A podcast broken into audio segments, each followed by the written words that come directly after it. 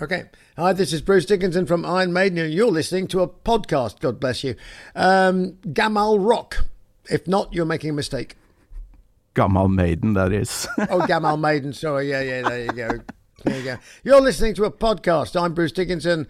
You're not. And you're listening to Gammal Maiden.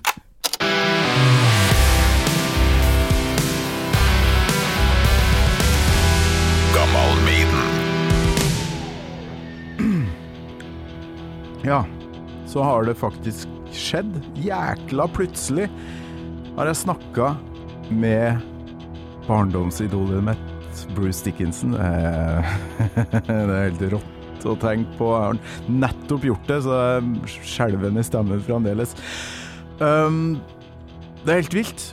Våkna i morges, visst fred og ingen fare. Det var jo Kom vel en melding i går om at det kanskje åpna seg en mulighet for eh, et lite intervju med Bruce Dickinson i dag. Tenkte ikke noe mer over det. Sjekke e-posten på vei ned til jobb. Um, uh, jo da, det ordna seg, det. Ti over, eh, ti over halv to. Uh, har du mulighet? Eh, ja, det har jeg.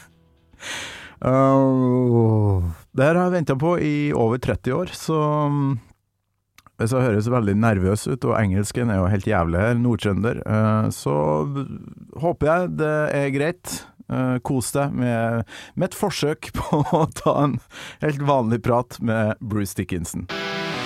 Gammal Med Torkil Thorsvik. Right to the chat. Well, here comes here comes Bruce now, mate. So um, Thank you. have a great interview. Thank you very much. And I'll just give you, I'll just come in when we got three minutes, just to give you a three minute warning that we're so that you can Yeah. Nice. take Thank you. control of- Ah, Hey, Bruce. hello there. How are you? How are we doing? Oh, I'm all right. All, I'm much feeling much better for talking to you this morning. There you go. Sounds nice. My name is Torkil. I um, I work in Norwegian Radio Rock. So Uh-huh. this will be um, aired on the station and in my podcast. It's called Gammal Maiden. Um, it's actually about uh, yeah guests talking about your band's um, influence on their lives. so Okay. are you ready? Uh, well, yes. Bruce Dickinson, welcome to Gammal Maiden. Hi there. Where are you right now? Lots of books uh, in the back there. I am. I am in my. Uh, yeah, I'm in my front room in London. Okay. I see the Hess, Hitler, and Churchill book in the in the shelf there. So Oh yeah, yeah, yeah. No, I was doing uh, doing some screenplay. Uh, I did a screenplay about uh, about Hess.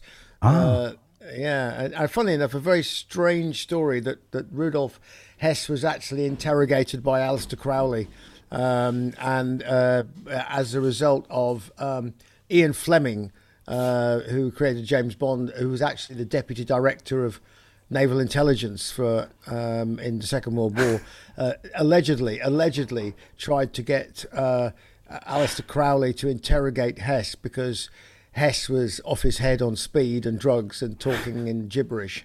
um, so uh, and he believed in black magic and astrology and the occult and everything. Anyway, I I, uh, I wrote a crazy treatment and was amongst other people talking to. Um, Kurt Sutter, who wrote Sons of Anarchy, uh, about it, and we were knocking ideas around together on Zoom uh, during lockdown. See, that's the crazy stuff that happens in lockdown. Sons of Anarchy, such a good show, and you had a motorcycle in your first video here, riding on the wall. Congratulations uh, with the the new album. Oh well, thank you very much. And and actually, Sons of Anarchy. Now you come to mention it, uh, and the, the motorcycle. Uh, what was I doing during lockdown whilst I was writing the treatment for riding on the wall? Was you know I was binge watching Sons of Anarchy, uh, which is a great show, and then. Um, uh, I got kind of like halfway through writing the, the the story, and then I suddenly went, "Why not have like the four bikers of the apocalypse? That would be cool." um, and you know, I mean, obviously, it's you know, it comes from subconsciously, you know, watching motorbikes all day long and Harleys and stuff like riding around, and so then that turned into well, why don't we have the four Eddie bikers of the apocalypse, um, which was equally cool, but of course there can only be one actual Eddie. So we had to give them Eddie kind of like stainless steel Eddie masks each one, so there'd be no confusion about who was the boss Eddie and who were the uh, the the acolytes, you know, as it were. So yeah, but uh, uh, thanks for the the vid. It is a pretty cool piece of film filmmaking, you know. Yeah, and the four horses uh, of the apocalypse were taken already, so uh, why not the bikes? Uh, yeah, well, it's the four horsepowers of the apocalypse. There's got lots of horsepower, and uh, you know, um, I'm not sure if at one point I did want the uh, um, the uh, the the number plates on the back, you know, to be just sort of like you know, death, famine, pestilence, and actually the four horsemen they all also they have. I think they all have colours associated with them as well, which is uh, we never got into that level of detail because we had plenty of other things to occupy with with in terms of detail on the vid. So uh, yeah.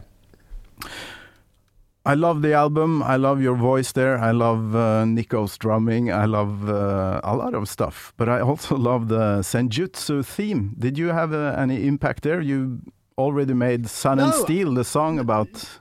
Yeah, such no, things. I already did Sun and Steel. I mean, I mean, up there on the bookshelf as well, lurking. I mean, uh, uh, where's it gone? you have the book there, Actually, no. When I do my Zoom calls, uh, it's uh, the, my laptop is actually sitting on top of it. Um, it's a great, really thick book on the life of Musashi. It's a an epic novel Yeah. about the the, the the the life and times of Musashi, uh, including all the stories that got repackaged in Hollywood, um, in you know the Seven Samurai and and and countless Western movies uh, where those like samurai uh, stories um, uh, get um, you know get get retold, but this time with a gunfighter instead of two guys with swords. Yeah. Um, so yeah, I've had a, an always interest in it. There's some other stuff up there. I mean, uh, where is it? I mean, there's I've got. Uh, there's uh, got a book about Kitch, Kitchener, Kitchening? oh, Kitchener, yeah. I mean, I've got all the. Uh, that's, that's part of my, my fencing stuff is there. So Okay. there's a lot of stuff there. There's uh, modern bujutsu and budo. Uh, there's uh, this is kendo and like uh, you know stuff like that. So there's it's a combin it's a strange combination of, of books on like military history, uh, fencing, martial arts. Uh, and uh, aviation, you know. So there you go. And how did the Senjutsu theme then? Um, Oh. Steve. Steve. Steve's idea. Steve's idea. So, so he uh, he came up with the, the the idea and just said, "Look, I've got this track. It's called Senjutsu. I thought we'd call the album Senjutsu, and we have a Samurai Eddie." And I was just like, "Yeah, cool. I mean, why not? You know, of uh, course. you know, I mean, uh, it's the same thing. You know, when we did Powerslave, and I said, "Ah, let's have let's have ancient Egypt, and let's have Eddie as a gigantic mummy," and everybody went, "Yeah, cool." You know, so same deal. You know, and uh, I'm, I'm amazed we haven't had a samurai Eddie before. Really, we've kind of we've had Eddie with a samurai sword on Made in Japan. Uh, but we've never actually gone and done the done the whole thing, a whole whole. So I, I think it's great. I love it. I got some regular questions uh, in this Okay. podcast. Um, can you remember the first time you heard Iron Maiden?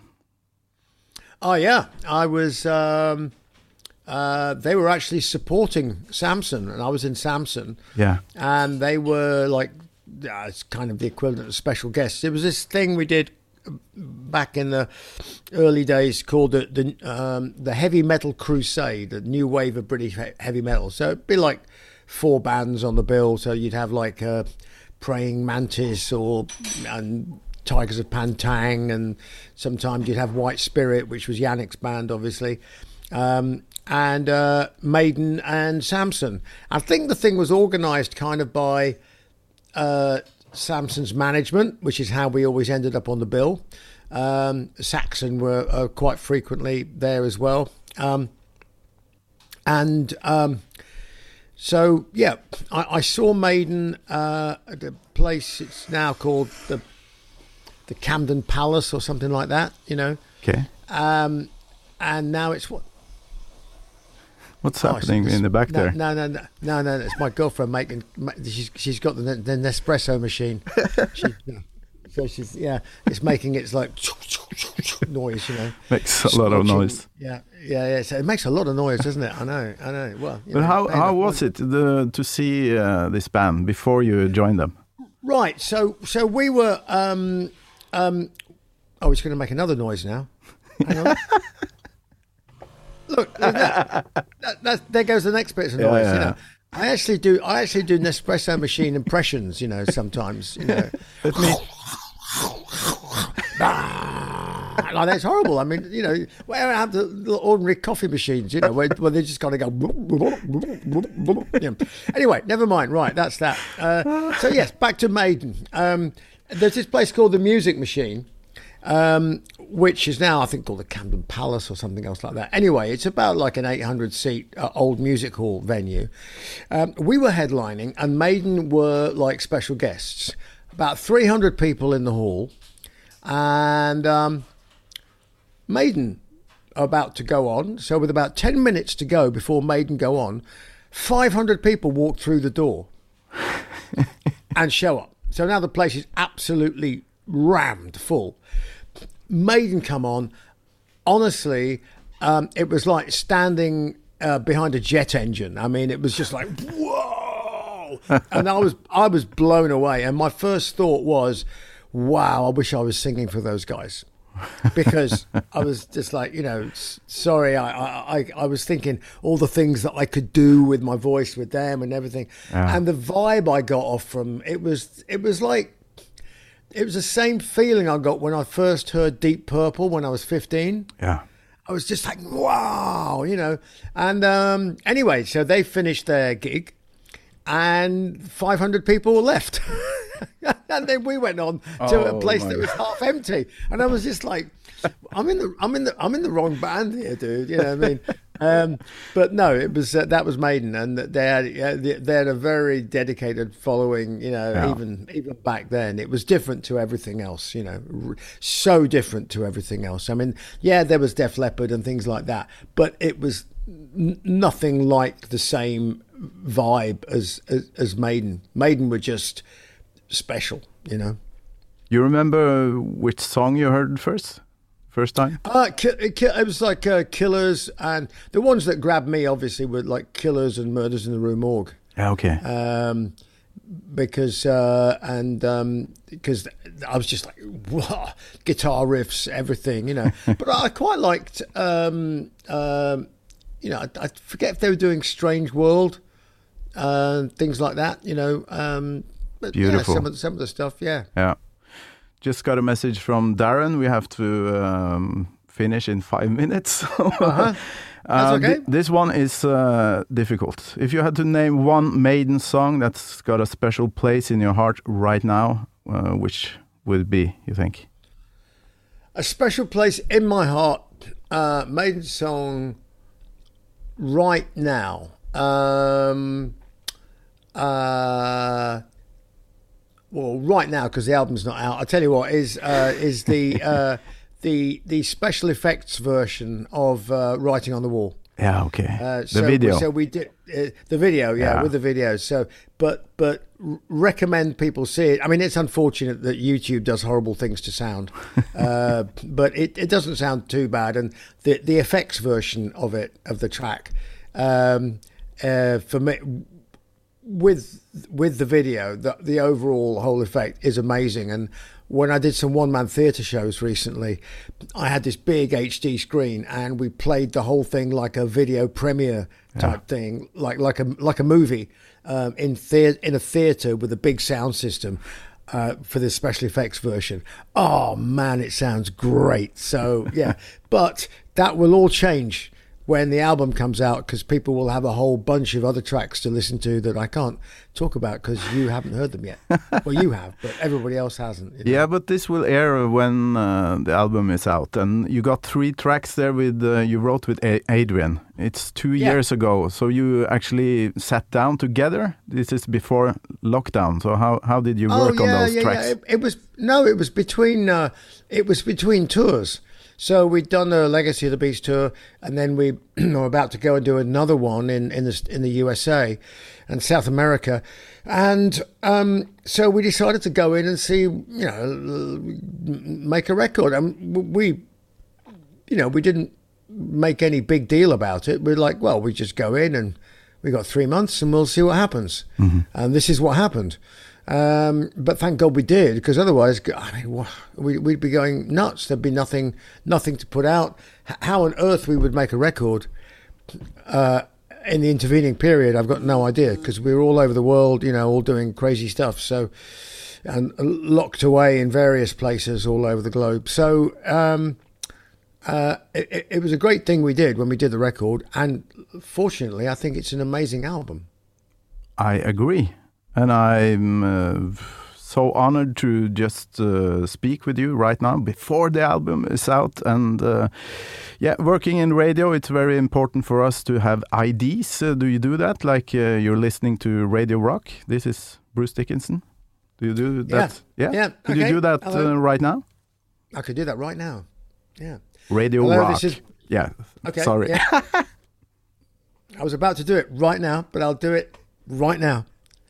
Three, two, one. Now? Yes. What now? Hi, this is Bruce Dickinson from Iron Maiden, and you're listening to Radio Rock. And another one with uh, the podcast name, Gammal Maiden, if you can pronounce that. Gammal Gammal Maiden, right? Yeah. Okay. Yeah. Hi, sorry this to uh, sorry to be a pain. Um, we're going to have to keep moving into the next interview. Just we're, we're running that blow on schedule. Yeah. Uh, on- on the 10 seconds. Okay. Hi, this is Bruce Dickinson from Iron Maiden, and you're listening to a podcast. God bless you. Um, Gammal Rock. If not, you're making a mistake. Gammal Maiden, that is. Oh, Gammal Maiden. Sorry. Yeah, yeah. There you go. There you go. You're listening to a podcast. I'm Bruce Dickinson. You're not, and you're listening to Gammal Maiden. Bruce Dickinson, thank you so much. Cheers. Thank Cheers. you. All right, mate. Bye bye. Bye. Bye. Gammal Maiden med Torkel Thorsvik. En podkast fra Radio Rock. Det var rart. Og stress. Og veldig mye hjertebank. Og veldig artig. Eh, takk, Bruce, og takk til deg som hører på. Nå må jeg bare ta meg en pils, tenker jeg. Ja, ha det!